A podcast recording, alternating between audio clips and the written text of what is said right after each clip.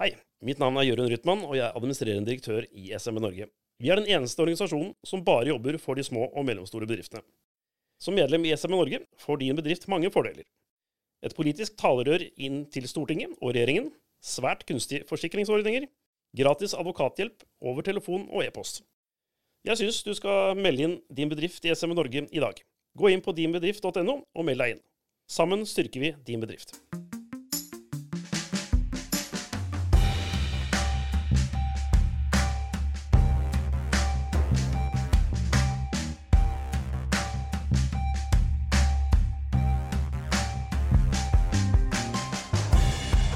Hei og velkommen til en ny episode av SMB Norge-podkasten med meg, Klaus Jacobsen. og Kristian Eilertsen. Ja, som sitter her i flyktig forbifart. Ja, absolutt. Det kom et uh, lite møte i veien her før episoden, men det får vi til likevel. Ja, Det får vi til. Vi, vi hopper etter Wirkola. Det er meg. ja. Nei, hvordan blir det her egentlig? Nei, jeg vet egentlig ikke hvordan dette blir, Klaus, men det, du, Du er for ung for å huske Wirkola ja, det er sant, det. Det er helt sant. Det var lenge før min tid. Ja. Men har du måttet kjøpt og avhenda mange bedrifter? Aldri gjort det for hele mitt liv. Nei, ikke din egen bedrift engang. Du er jo Jeg, du fortsatt? jeg har bare et lite enkeltpersonforetak. Det har ikke vært eh, solgt til noen ennå. Nei, det er så du driver ennå. Jeg gjør det så vidt. Det er jo småskala, da. Ja. Men klart at det med kjøp og salg av bedrifter, det er jo, eh, kan være kompliserte greier. Mm. Eh, Det er ikke alltid rent beint fram hvordan man skal gjøre det. Eh, Så det å, å ha god rådgivning på veien, det kan være alfa og omega for å lykkes med oppkjøp av selskaper. Ja, og det vi skal innom i dag, det toucher jo rett inn på det her med medlemsfordeler for at SMB Norge har inngått et samarbeid med våre gjester. Så, sånn sett kan det være veldig interessant for potensielle lyttere og medlemmer av SMB Norge. Ja, absolutt. Det tror jeg blir uh, veldig spennende. Og i dagens episode så har vi jo med oss Vi har med oss uh, Businessformidling AS ved Mathias Eriksen, daglig leder. Hei på deg. Og så har vi med oss eh, din advokat. Ikke ofte vi må ha med advokat i studio, så vi blir litt nervøse nå. Jan Martin Fjelstad fra Bull Co. Hei på dem. Hei. Så, eh, så vi skal ta en prat, eh, vi tre sammen, mens Kristian må rase videre på, på møtene sine. Mathias eh, Eriksen, du er altså daglig leder i Businessformidling AS. Og eh, SMB Norge har inngått et slags nytt partnertilbud til sine medlemmer i SMB Norge. Fortell litt om det først, hva det går ut på, egentlig. Ja, det går jo ut på eh, tjenesten kjøp og salg av bedrifter. Det er ikke hverdags, egentlig. Nei, Nei. for veldig mange så er jo det noe man gjør kanskje en gang i livet. Mm. Og spesielt da uh, små bedrifter som er starta av gründeren sjøl. Mm. så kommer man til et punkt da, at uh, alderen er der. Mm. Og da må man jo gjøre et eller annet. Mm. Og det kan jo være mange veier å gjøre det. Man kan jo ta den enkle veien og legge ned bedriften. Mm. Men um, det finnes jo andre muligheter. Mm. Eh, Fortell litt om din eh, bakgrunn. Eh, hva har din reise vært som har gjort at du havna her, egentlig? Hvor kommer din yrkesbakgrunn fra? Ja. um, igjen så er jo tilfeldigheten som styrer litt. Grann. Ja. Men uh, jeg har jo uh, egentlig jobbet hele mitt voksne liv med aluminium. Ja. uh, som ikke har noe med det faget som jeg holder på med i dag. Nei. Men eh, etter mange år der så eh, valgte jeg å slutte av i å starte en eget konsulentselskap i 1997, var det vel. Ja. Og jobba med uh, ulike uh, tjenester da inn til uh, hovedsakelig SMB-bedrifter. Mm. Og så har det utvikla seg videre til at jeg har tatt opp kjøp og salg av bedrifter som et, et område. Ja, så det var ikke det du opprinnelig drev med? Nei, Nei. Det, det, det var vel det er vel en syv-åtte år siden jeg startet med det. Mm. Og eh, har jo da holdt på med det hovedsakelig nå etter den tid. Mm. Yrkesbakgrunn, altså utdannelsesmessig, da er det er, Jeg er jo plateslager, eller hva er det Ja. det heter? Jeg har faktisk vært plateslager, Ja. når du Ja. nevner det. Ja. Men um, jeg er jo da maskiningeniør Mm. som uh, hovedbakgrunn. Mm. Og uh, jobba med teknisk salg i uh, Norsk Hydro og Sapa den gangen, som har aluminiumsprofiler og metall å gjøre. Mm. Men hva var det som gjorde at uh, det her var en slags vei for deg? Det må jo være noe som har vært en slags inspirasjonsspire der til å drive med kjøp og salg av bedrifter? da. Det er jo det er litt sært, hvis det er lov å si. Ja, kanskje. Litt tilfeldig, fordi at uh, jeg hadde en bedrift sjøl som uh, jeg drev noen år. Mm. Og så skulle jeg selge den bedriften. Og så kontakta jeg en megler eh, som eh, skulle gjøre den jobben for meg. Mm. Kort fortalt da, så fikk ikke han til noe. Nei. okay. Eh, sånn at jeg måtte inn og hjelpe til litt. Og så eh, løste jo den saken seg. Mm. Eh, men i etterkant da, så sa jeg til vedkommende at dere har i grunnen en bruk for en sånn som meg Mm. for å få til dette her. Og grunnen til at jeg sa det, er jo det at jeg syns det var litt Det trigga meg litt. Ja. Prosessen i det hele, da. Så det var jo den tilfeldigheten som gjorde at jeg kom inn Ja. i, i eh, bransjen, da. Og så har jeg jo da starta for meg sjøl i etterkant. Ja, men du, du, du, er flere sammen i businessformidling i dag. Ja, vi er tre stykker. Ja, mm. Vi er tre stykker. Gjør alle tre det samme? Hva er kjerne altså, løsningene deres? Hva er det dere gjør i realiteten i businessformidling, dere tre, da?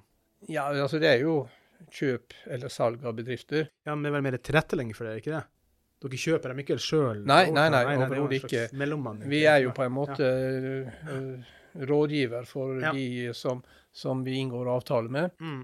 Og eh, ja, det er jo en prosess når vi, når vi starter sånn, med, med eh, gjennomgang av bedrifter og eh, presentasjoner og sånne ting, og, Ja. og ut i markedet og, og, eh, og selge bedriftene. Ja. Og du kan si at hovedgrunnen til at en bedrift blir solgt, eh, i hvert fall i SMB-markedet, det er generasjonsskifte. Ja. De aller fleste eh, oppdrag som vi har, det er med basis i generasjonsskifte. Mm.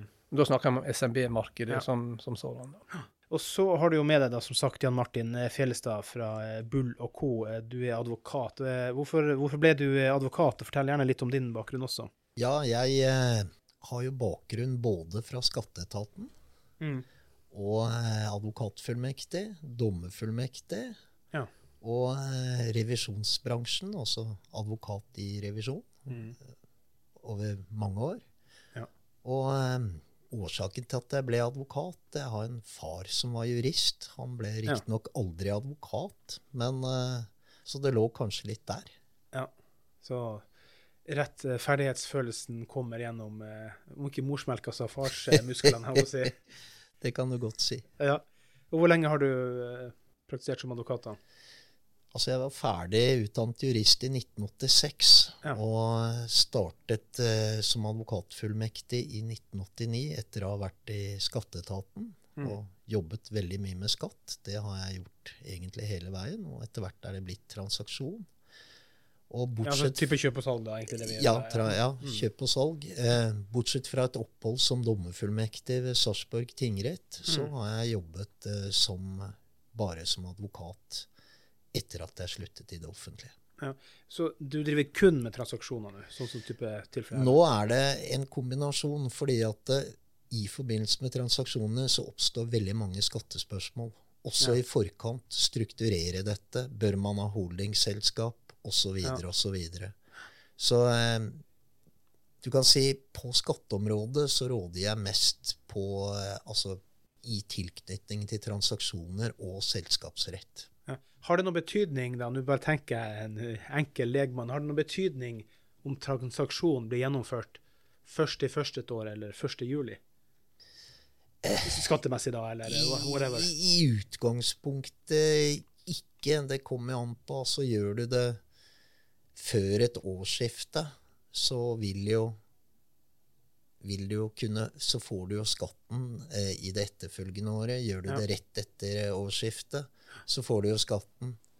It, altså du får Mm. utsatt. Men eh, hvis du da har holdingmodell, altså hvor du har aksjene i selve den bedriften som f.eks. skal selges, via et eget holdingselskap, Mm. så får du jo ikke noe skatt før du tar ut penger som utbytte. Nei. Så det er faktisk en eh, rentefri kreditt fra det offentlige. Men er det noe tidspunkt som da er et anbefalt tidspunkt, eller er det feil spørsmål? Nei, egentlig ikke. Nei. Egentlig ikke slik jeg ser det. Nei, for alt kan løses. Ja. Og så er jo advokaten såpass rimelig at det Det var en dårlig spøk, jeg beklager det. uh, Mathias, eh, hvor mange bedrifter kjøpes og selges eh, årlig? Er det noe man fører noen statistikker på? på noe slags vis? Ikke via dem, men sånn generelt i, i samfunnet? Nei, det har ikke jeg full oversikt over. Nei. Det er selvfølgelig et uh, ganske stort antall. Jeg vet ikke om du har noe Nei, jeg har ikke noe helt Nei. konkret på det. Men er det noe utvikling nå under tøffe tider? Vi trodde jo det, at det både skulle komme et uh, rush i uh, pandemi og etterkant Ja. av det og sånne ting. Og uh, også nå når det skjer ting med både renter og litt Mm. forskjellig. Jeg kan ikke si at det er har endra seg. Nei, men konkursene har jo økt. Ja, men hvis du er dit, kommet dit hen at du er konkurs, Ja. så er det for seint å selge bedriften. Ja. Det blir å pynte brura litt vel mye. Ja. Og som du var inne på, Mathias, eh, ofte generasjonsskifte. Men eh, finnes det også andre ulike årsaker til at folk selger sine eh, livsverk? Ja, det er jo selvfølgelig mange grunner. Det er jo ikke aldri noen grunn som er like, egentlig. Men, men hvis men kanskje generelt, så er det jo Det som vi opplever som, som de fleste saker, er jo generasjonsskifte. Og det kan jo være ja, Han som eh, sitter og eier bedriften, han tar jo som oftest kontakt altfor seint. Ja. Han kan jo være både 70 og eh, 80 år før han eh, finner ut at eh, nei, jeg må selge likevel. Ja. Eh, Ferdig med ungdomstida, liksom? ja, da er ungdomstida over. Eh, Og så har han da eh, kanskje en sønn eller datter som har utdanna seg andre veier. Og eh, ikke vil overta den eh, snekkerbedriften eller eh, sveiseverkstedet eller hva det nå er for noe. Mm, mm.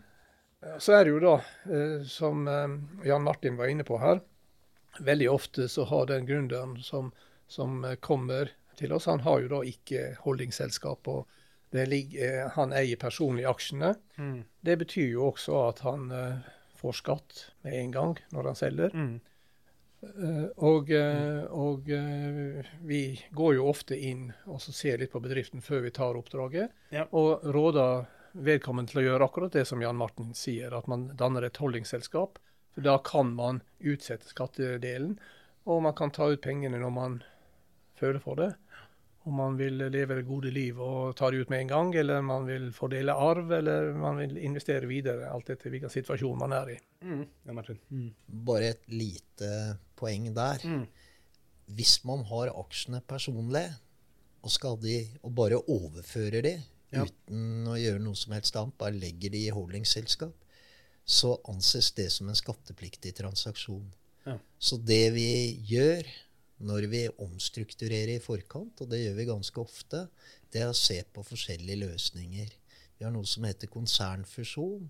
Vi har også eh, andre muligheter, men konsernfusjon er ofte løsningen da.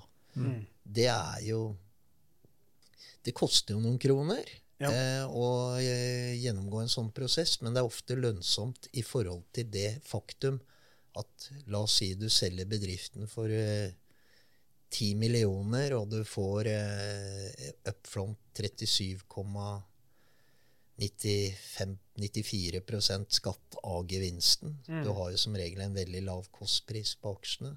Mm. Så kan det være lønnsomt å heller ha dette den kapitalen i aksjeselskapet, eh, i holdingselskapet altså etter salget, og plassere de pengene f.eks. i gå til en eller annen. Rådgiver eller private banking eller som kan hjelpe med å plassere dette. Ja. Slik at avkastningen av de pengene faktisk tjener inn gevinstbeskatningen når du skal ta ut noe av beløpet, f.eks. For, å pusse opp hytta eller kjøpe deg en ny bil eller noe Ja. sånt. Bare advare. Ikke ta aksjene direkte og bare plassere de i holdingselskap. Nei. Er det noe eh, i forhold til det vi skal komme inn på det med f.eks. med flytting og det som er så inn i vinden nå om dagen, da. Men er det noe eh, Må man holde seg oppdatert? Er det noe som i forhold til transaksjoner, da? Sånn som vi har hatt nå, så har det vært litt endringer som ikke alle har likt. Skjer det mye endringer på årlig basis, på nye regler og endringer? Er det mye å sette seg inn i på når det gjelder transaksjoner?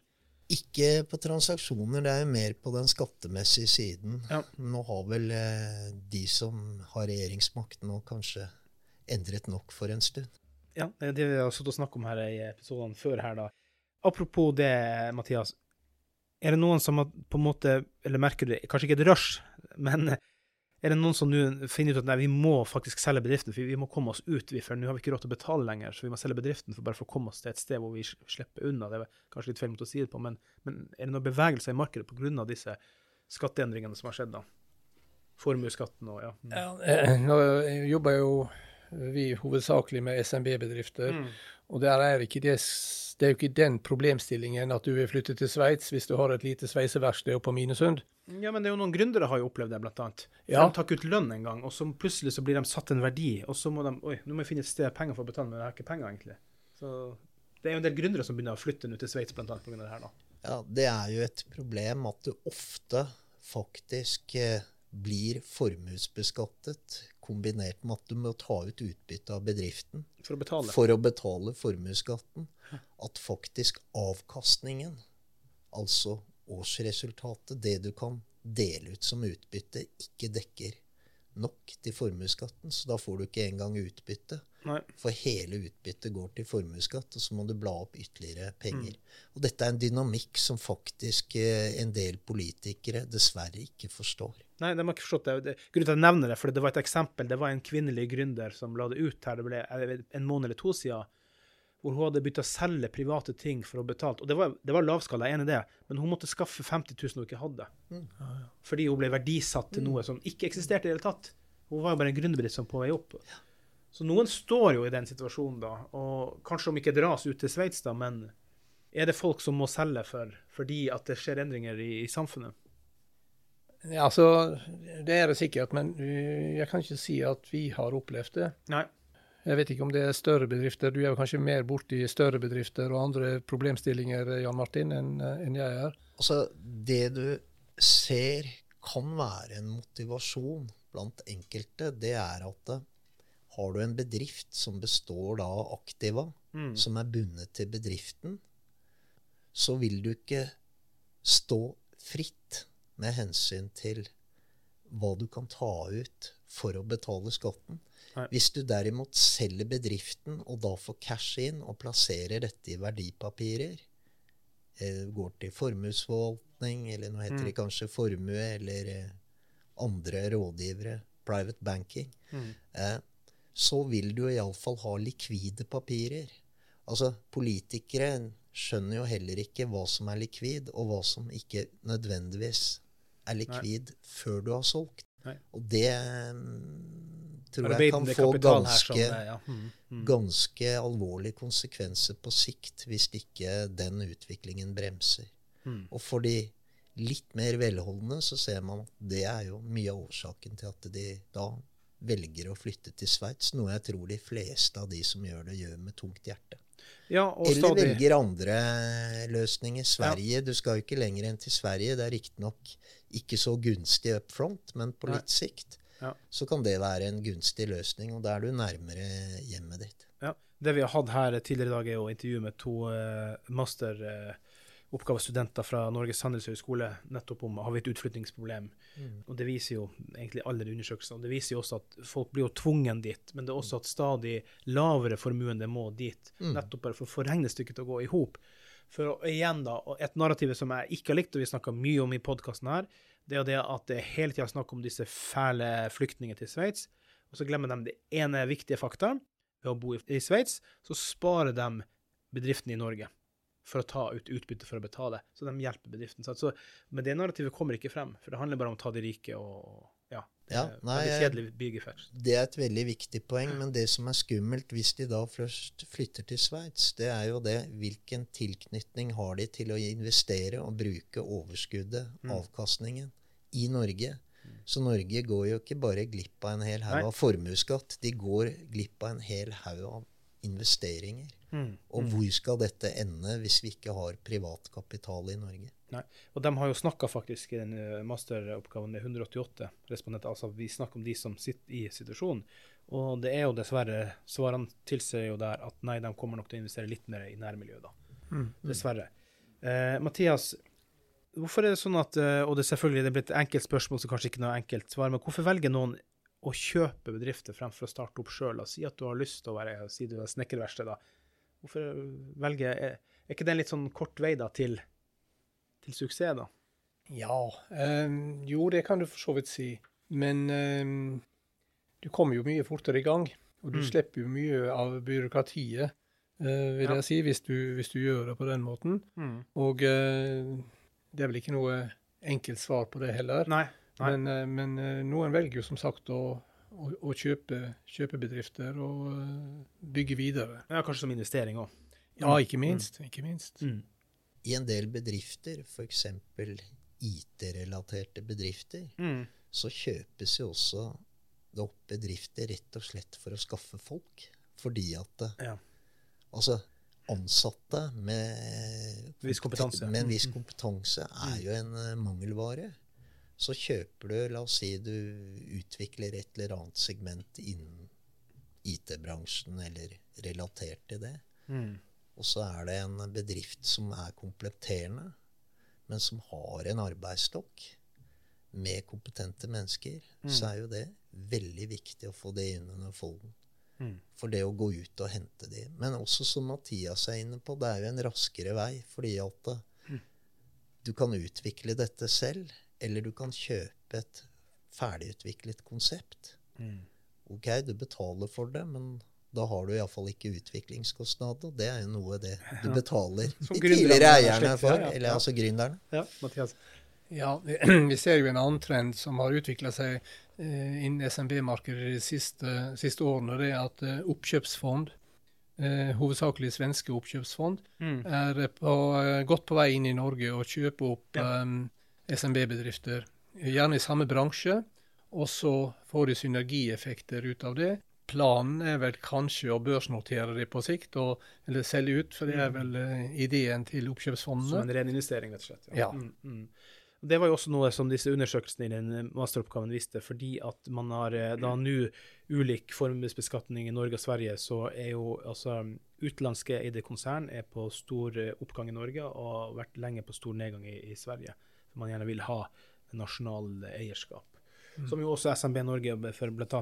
senere i dag, da, selv om denne episoden kommer om noen uker, så, så har vi jo en samling på Mesh i kveld for aksjon for samling av eh, norsk eierskap.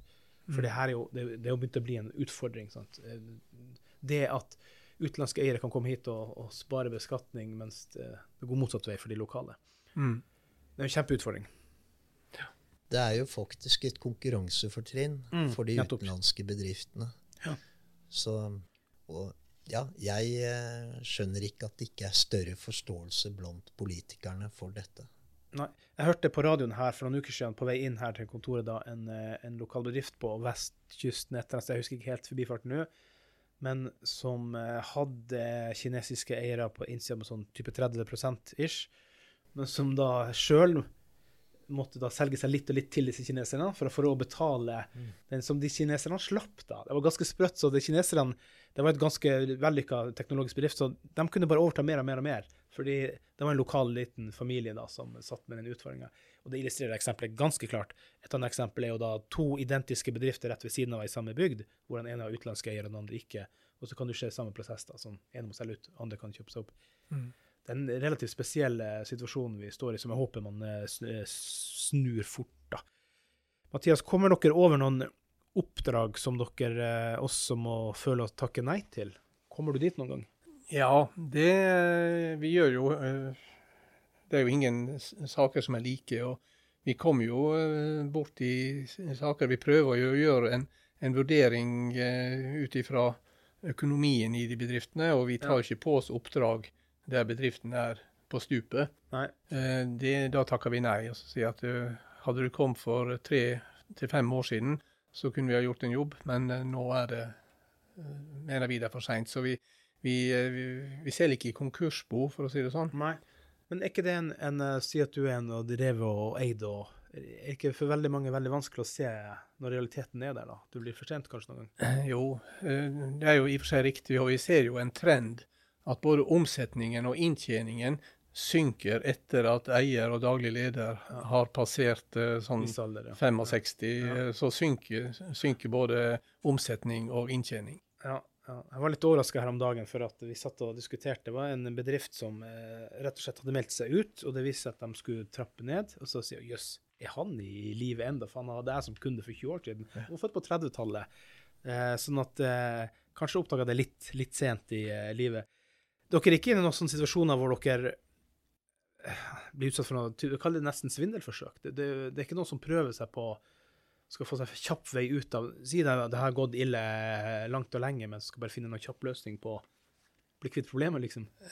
Jeg, jeg kan ikke si at vi har opplevd det, Nei. men uh, vi har jo eh, vi har jo hvitvaskingsloven, som vi kanskje kommer inn på i den eh, forbindelse. Ja. Mm. Og det, der har du, Jan Martin, mye mer eh, erfaring med den. Mm. Og vi støtter oss jo veldig til eh, advokatfirmaet Bull her.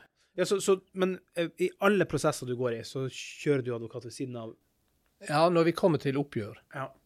Vi, vi, vi gjør Kan du si Starter oppdraget. Vi Ja.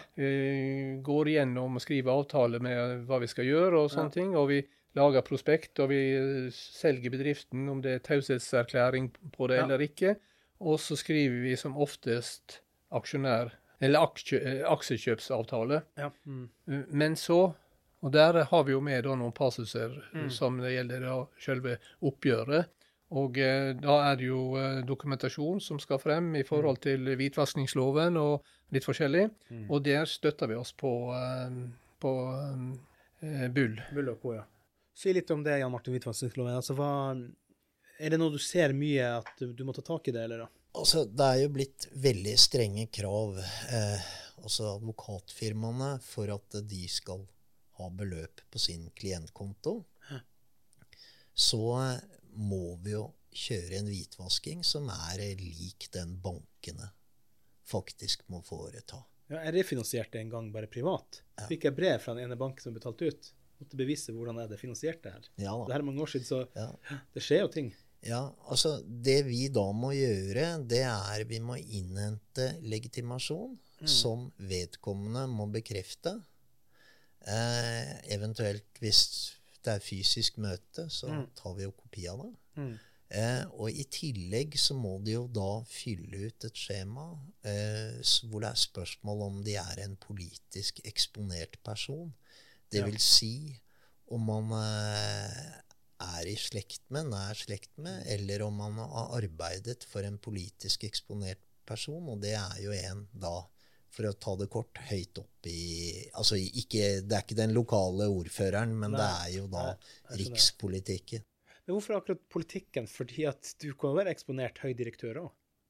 Absolutt, men uh, det er det ikke noen regler for. Men ikke Nei, la noen er litt reglene enda vanskeligere. Ja, nei, nei, nei, jeg stusser litt på det, for hver gang du skal nesten innimellom, så går det en stund i banken, så får du opp den du må fylle ut. Er du eksponert, eller har du noen kjenner du er eksponert? Så jeg har alltid stussa litt på det. Ja, kanskje hvis du går en visst antall år tilbake i tid, og kanskje en del andre land, så er politikere mer Det er jo bribe og korrupsjon, jeg skjønner jo det, men det kan jo skje på andre nivåer òg. Det kan ikke Ja. bare skje i politikkens verden. Ja. Så jeg syns det er bare litt snodig at jeg akkurat bare spisser mot det, da. Men, men, men det som da er poenget, det er jo også det at når du har oppgjørsfunksjonen, når du er Mm. ferdig med hvitvaskingsfunksjonen, Mm. eh, så vil jo da pengene, altså kjøper betaler inn til vår klientkonto.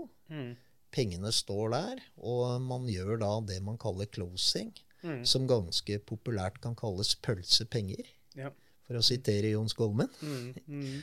Og, og da, når alle papirene er i orden, eh, ny kjøper har fått aksjeeierbevis og mm. velger da nytt styre etc., etc., så overfører vi pengene til selger, eller selgerne.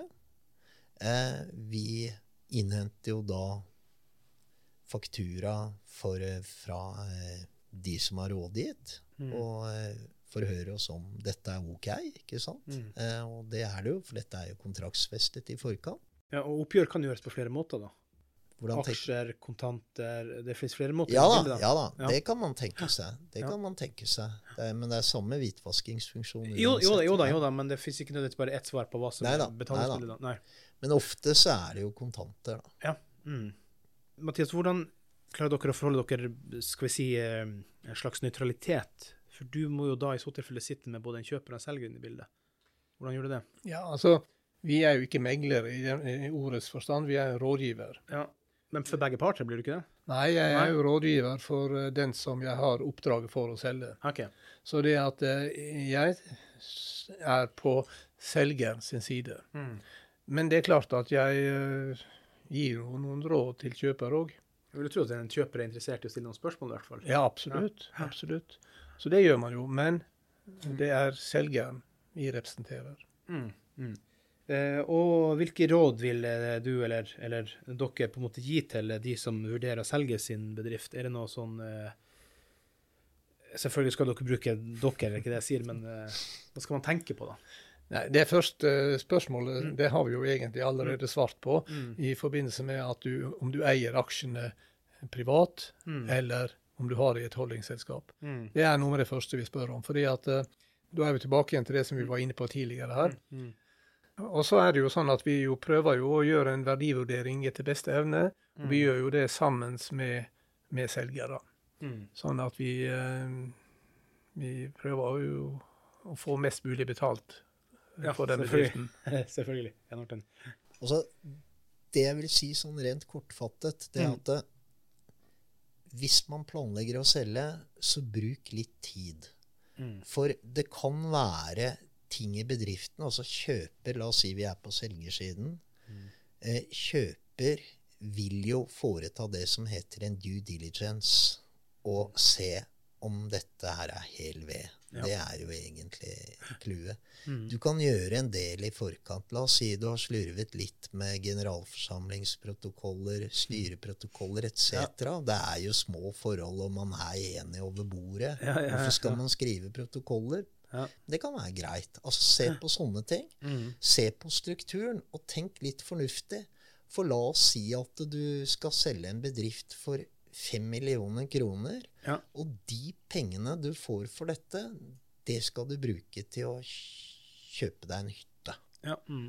Eh, eller det skal være med å finansiere en hytte. Mm. Da er det jo ikke noe vits i å bruke penger på å omstrukturere for å få dette i et AS, for du kan jo ikke ha hytta i AS. Det, det er veldig ulønnsomt skattemessig hvis skattemyndighetene kommer. Det kan jeg skrive under på. ja. Så man må også se behovet og se litt kjøpesummen. Altså Hvis det er meningen du trenger pengene med en gang, så får du heller betale den skatten. Sånn er reglene. Da er det 37,84 Mm.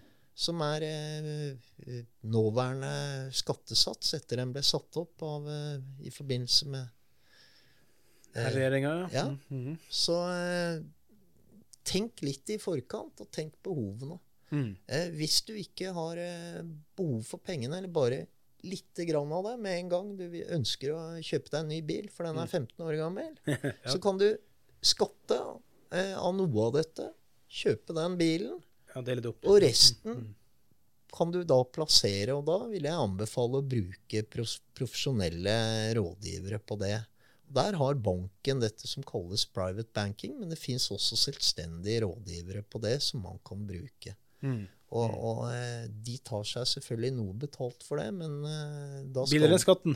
da skal de eh, ja, da, ja, og det er billigere enn skatten, og da skal de også ha noen resultater å vise til. Altså plassere disse pengene fornuftig i gode fond osv. Så. Mm. så bruk tid i forkant, ikke bare og, og rydd opp i bedriften, for Guds skyld. Ja, Hvis du ikke har revisor, Mm. engasjer kanskje en revisor. Gå gjennom dette. Sørg for at alle papirene er i orden. For dette vil kjøper se på. Til slutt, ja. Mm. Og kjøpers rådgivere, og det vil bli bemerket, og det kan gjøre at du får en dårligere pris. Mm. Mathias. Ja, det kan jeg bekrefte. Ja. Jeg har flere tilfeller der vi har uh, råda eier til å gjøre akkurat det som vi snakker om her. Mm. Og tidsaksen der er jo gjerne opp mot et år. Mm. Mm. Eh, altså, Da er det dumt å ha dårlig tid. Da er det dumt å ha dårlig tid, ja. Mm. Fordi at eh, det er ikke noe som du bare gjør med en melding til Brønnøysund der. Nei. Eh, men eh, som sagt, dere sier at dere er selvfølgelig på selgers eh, side og bra det. Men det kan jo være noen her som lytter, og som på en måte også tenker å kjøpe, og da er jo du et sted å, å lete på. Hvilke råd, eh, kanskje også Jan Martin vil si noe på det i forhold til, til, til en kjøper, hva bør de tenke på? Ja, vi, er- vi kan jo også være på kjøperside, Ja. det er helt riktig. Mm. Vi kan ha et oppdrag med å kjøpe opp en bedrift. Mm.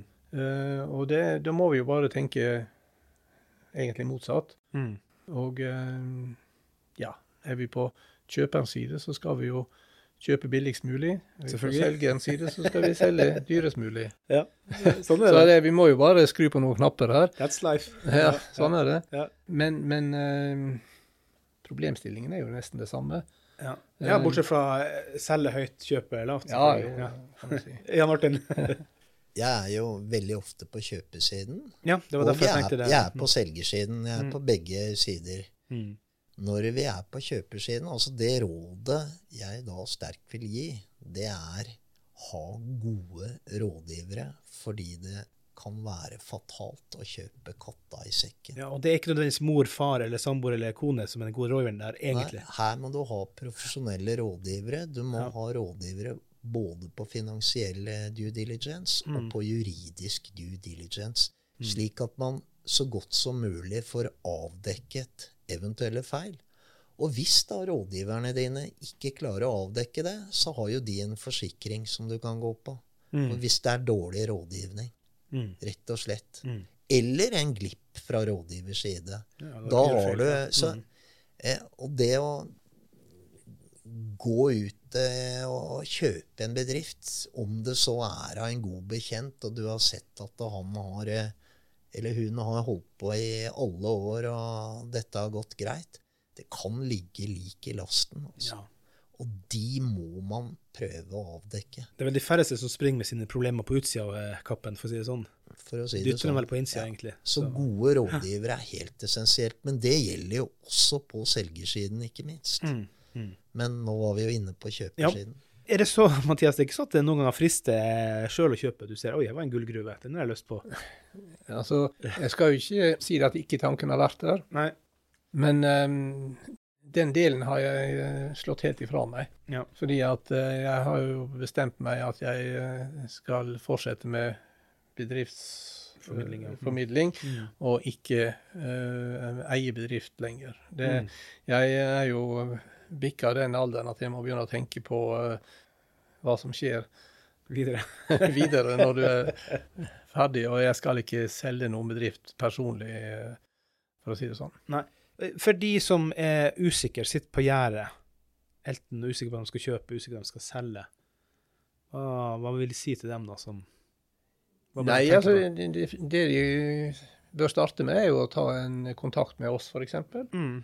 Og så kan vi jo ha en eh, helt uforpliktende prat rundt det. Mm. Eh, Sette seg veldig raskt inn i situasjonen, og så se om det er noe vi kan Ja, situasjonen er, og så kan vi kunne gi de første råda uten at det her skal komme noen feit faktura på det. Ja, også, altså, dere holder jo til nå i Oslo og Kristiansand. Eh, vurderer kontor i Bergen og Trondheim, men dere utfører jo likevel kjøp- og salgprosesser over hele landet, vel? Det er riktig. Ja. Er det noen vei videre? Har dere noe mer satsing på Nei, altså det, det har jo det har jo med tilstedeværelse, for å si det sånn. Ja. Eh, Mm. Vi liker jo, eller nesten, jeg vil si uten unntak, så eh, selger ikke vi en bedrift der vi har vært, ikke har vært på besøk og sett på bedriften. Det er om han ligger i Nord-Norge eller han Mm. ligger på Sørlandet. Så tar, vi, så tar vi den delen og besøker bedriften tidlig i prosessen. mm. Fordi at eh, når Men dere har lukter på nye områder for det å etablere dere i? Ja, for så vidt så gjør vi jo det. Ja. Men ikke bare etablere oss for etableringens skyld. Nei, nei. Vi, vi håndterer hele landet fra de uh, lokasjonene som vi er i dag. Mm. Men, uh, men uh, er volumet der, så er ikke vi fremmed for oss å knytte til oss rådgivere i andre områder, hvis vi mener det er riktig. Mm. Mm. Og det er jo en kontinuerlig vurdering som vi gjør da. Mm. Jeg holdt på å si, eh, har dere vært borti noen veldig sære bedrifter til dere, begge to egentlig? Har det, er det noen eh, Apropos pølser i, handa, er det, fins det noen sære kjøp og salg dere har vært innom? Nei, er ingen transaksjoner like. Nei, men noen bedrifter er veldig... vel jeg eh, vil jo si som så at det ofte, og iallfall hvis det er litt størrelse på transaksjonen, mm, så har man jo advokat på den andre siden, enten du representerer kjøper eller du representerer selger. mm, Jeg vil mye heller ha en motpart som advokat som er profesjonell på transaksjonsområdet, ja. enn å ha en som kanskje til daglig driver med skilsmisser, som da har blitt kastet inn fordi han eller hun kjenner eh, noen. Onkelen til Ja, Ja, altså eh, Det er med transaksjoner som med alle andre juridiske fagfelt. Jeg, for eksempel, jeg tør ikke ta i strafferett. Eh, jeg tør ikke ta i konkurranserett. Jeg vet selvfølgelig noe om det. Jeg har lært på universitetet litt om det, men jeg har ikke drevet med det. Altså, å ha Det er ikke bra for klienten heller, det. Nei, Nei. å ha med en advokat å gjøre som ikke har dette som sitt daglig spesialfelt, da går ofte transaksjonene trått. Mm. Og det går med mye tid, og det blir dyrt både for min klient Mm. og ikke minst for motpartens klient. Ja. Så det er ikke noe bruk- lafteproduksjon på Finnmarksvidda eller noe rare Det er ikke noe artige historier? Det var det skulle Nei. Ja, Bruk spesialiserte Ja. advokater. Ja. Det er eh, Og eh, ikke minst eh, spesialiserte rådgivere. Rådgiver, ja. Altså, jeg, jeg har jo vært borti eh, eksempel der det har vært flere eiere. Ja. Og eh, som jeg da ikke var klar over på forhånd, at de eierne de snakka ikke sammen. Nei, ulike interesser. Ja, altså de, de var helt De var, De var som hund og katt. Ja. Og det ble en helt uholdbar situasjon. Ja. Og de, ingen ville gi seg, og jeg, jeg satt jo midt imellom der. eh, Eller vet egentlig ikke hvor jeg satt. Eh, og eh, til slutt så sa jeg det at eh, det her må dere rydde opp i. Dere bør gå til en eh, advokat som kan det her. Mm. Og dere må lage noen bedre aksjonæravtale som styrer dette her. For det her, det går ikke. Du kan ikke selge det her. Ingen satt med, med over 67 Nei. så de kunne styre dette her. Ja, for da kan du tvinge. Da har du en litt annen mulighet. Mm. Mm. Hvordan har det vært å komme inn i SMB Norge, familie, hvis vi kan si det på den måten, Mathias? Da, hva, hva vil du si om det? Nå er jo ikke dette her så øh, gammelt. Nei. Nei. Vi har jo en forholdsvis ny, ny øh, avtale. Mm. Jeg vet ikke Vi har vel ikke opplevd noe kø av bedrifter som øh, Nei. Men det er vel ikke noe som skjer ofte akkurat heller, da, sånn sett. Sånn. Nei, sånn, det er ja, riktig. Ja, ja. Men vi har hatt noen henvendelser, og Mm. vi jobber med noen som uh, kommer via eh, avtalen som vi har. Mm. Eh, så det, vi syns det er spennende å se, og vi mener jo det at eh, den type bedrifter som dere representerer, der har dere absolutt eh, behov for eh, eh, den kompetansen som vi har, Ja, ja. Mm. når, dere skal, når vedkommende skal selge eller eh, Mm. kjøpe. Så vi syns det er spennende fremover. De av våre medlemmer våre som eh, vurderer det her, både på kjøp og salg, eh, er det- det bufo.no? Hvor er det de finner dere? Var det Bufo, sa jeg riktig? Ja, det er jo uh, domenenavnet vårt. Eh, Så uh, vi er jo søkbar på Google. Ja. Mm. Eh, hvis du søker på kjøp og salg av bedrifter, så dukker vi opp på, eh, på toppen der som oftest. Mm. Ellers så finner man jo det gjennom eh, den avtalen vi har hos, Ja. hos dere. På dinbedrift.no. Mm. Ja, Mm. og der eh, ligger jo kontaktinfo og alt som det bedriften trenger for å nå oss, da. Er det noe dere vil si mer på slutt her, eller har vi kommet innom en god del av det som skal dekkes her, eller er det noe mer dere vil legge på bordet? Jeg vet ikke om jeg skal si noe om eh, NDA og taushetserklæring. Eh, Ja. Veldig mange er jo redd for å fortelle at de skal Selge. selge bedriften. Ja. Fordi at eh, Nei, det Barna kan høre at nå ryker det. Og Ja, men det er ikke bare barn. Neida, det, neida. du, det er jo både kunder og leverandører og alt sammen. Ja. Ofte så er det er man kanskje redd for det ubegrunnet, men Ja. mange ønsker det. Og det, vi jobber veldig ofte med taushetserklæring, Ja. eh, sånn at eh, vi leverer ikke ut noe informasjon om eh, Nei. bedriften eller noe skal selges, før en potensiell interessent har signert en taushetserklæring. mm. Det er vel en ting som jeg vil si at 70-80-90% av det vi jobber med, er taushetsbelagt. Ja. For noen kommer vel kanskje også til dere noen ganger bare vil sondere og vurdere er det tida nå eller ikke, og så kanskje det skaper det uro blant kundene dine hvis det blir hørt, eller så videre. Ja, altså hvis vi hadde lagt uh, bedriften ut på finn.no, eller Mm. med fullt navn og Mm. nummer at det skal selges, kontakt uh, businessformidling, Mm. så tror jeg det er veldig mange av våre kunder ikke ville bruke oss som Nei. rådgiver. Mm. Eh, Da tror jeg de hadde gått andre veier. Mm. Eh, Vi eh, tar ikke på oss for mange oppdrag så ikke vi klarer å håndtere de. Vi, eh, vi jobber konkret med de enkelte bedriftene som vi har, og driver mer et oppsøkende Arbeid, ja. ja. Ja. Ja, Men, og det er vel veldig langvarig intensivt arbeid når du først jobber med en case òg, sant? Ja, du kan si at eh, vi eh, ser jo det at det tar et sted mellom ja, la oss si et sted mellom seks til tolv måneder å selge en bedrift. Mm. Det tror jeg man må være forberedt på. Mm. Ja, nei, men da eh, vil vi bare råde folk som lytter om å ta kontakt eh, på dinbedrift.no, eller via bufo.no, eller eh, i det hele tatt. Vi anbefaler også lytterne å gå og gi oss en femstjerners rating på Spotify og Apple Podcast. Ta kontakt med oss med podkast at smbnorge.no, og les litt om disse medlemsbedriftene på dinbedrift.no. Tusen takk, Jan Martin og Mathias, for at dere hadde tid, og så håper vi at, om ikke et rush, så at kanskje bevege noen tanker. Takk. Takk.